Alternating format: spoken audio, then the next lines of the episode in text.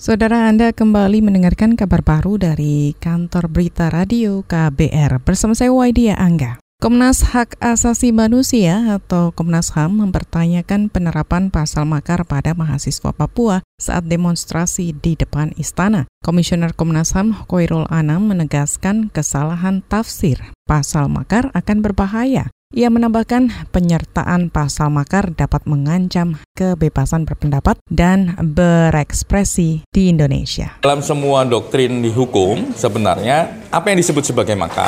Yang disebut sebagai makar adalah tindakan nyata, tindakan nyata yang memang mengarah menggulingkan kekuasaan yang immediately. Immediately itu satu ada angkat senjata, dua memang sabotase dan sebagainya. Nah pertanyaannya apakah tindakan-tindakan itu masuk kategori itu? Teman-teman bisa jawab sendiri. Komisioner Komnas HAM Koirul Anam menilai bendera bintang kejora adalah bagian dari kebudayaan Papua. Koirul Anam menyarankan pemerintah harus fokus pada permasalahan Papua sesungguhnya. Sebelumnya kepolisian menetapkan enam tersangka dalam aksi demonstrasi anti-rasial terhadap masyarakat Papua. Enam tersangka saat ini telah ditahan di Makobrimob Kelapa II, Depok, Jawa Barat.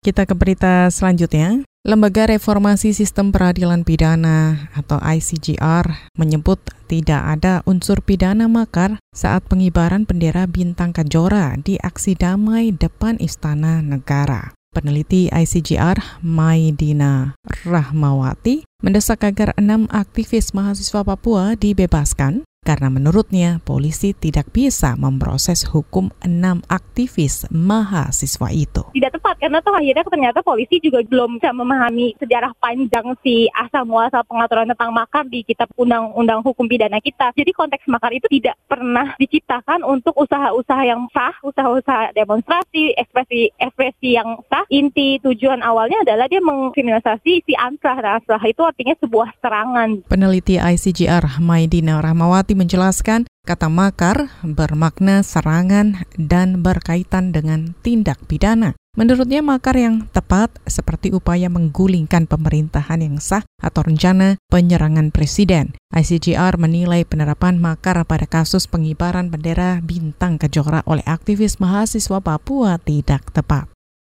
Kini kita beralih ke berita selanjutnya. Komite Nasional Keselamatan Transportasi atau KNKT akan menginvestigasi kecelakaan beruntun di tol Cipularang kilometer 91 arah Jakarta yang terjadi Senin kemarin. Wakil Ketua KNKT Haryo Satmiko menyatakan telah menerjunkan tim investigator lapangan guna mengidentifikasi kecelakaan yang melibatkan belasan kendaraan itu. Kita sudah luncurkan tim KNKT untuk investigasi di mana di Cipularang tersebut. Langkah pertama biasanya kami koordinasi dengan instansi terkait yang ada di sana, khususnya dengan pihak kepolisian dan dinas perhubungan. Ya jasa marga. Habis koordinasi kami biasa langsung terjun ke lapangan, lapangan di mana lokasi terjadi kecelakaan. Biasanya kan kami melihat sampai jauh mana impact daripada kecelakaan tersebut, khususnya mengenai kerusakan. Kita kan akan meneliti ke belakang ya, kenapa terjadi seperti ini gitu lah. Haryo Satmiko menyebut KNKT memerlukan waktu minimal tiga hari untuk menyelidiki penyebab kecelakaan di lapangan. Kemudian KNKT akan menginvestigasi korban selamat untuk dijadikan sebagai saksi. Kemarin kecelakaan beruntun terjadi di Tol Cipularang.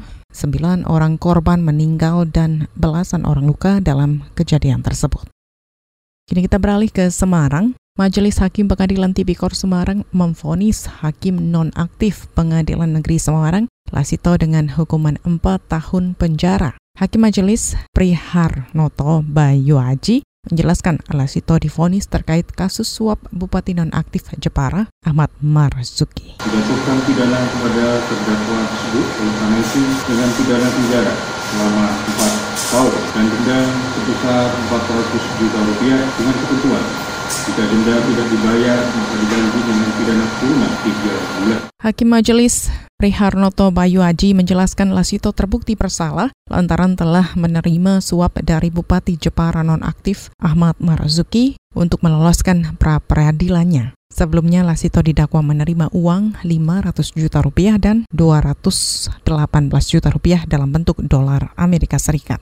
Saudara demikian kabar baru dari KBR, saya Waidia Angga.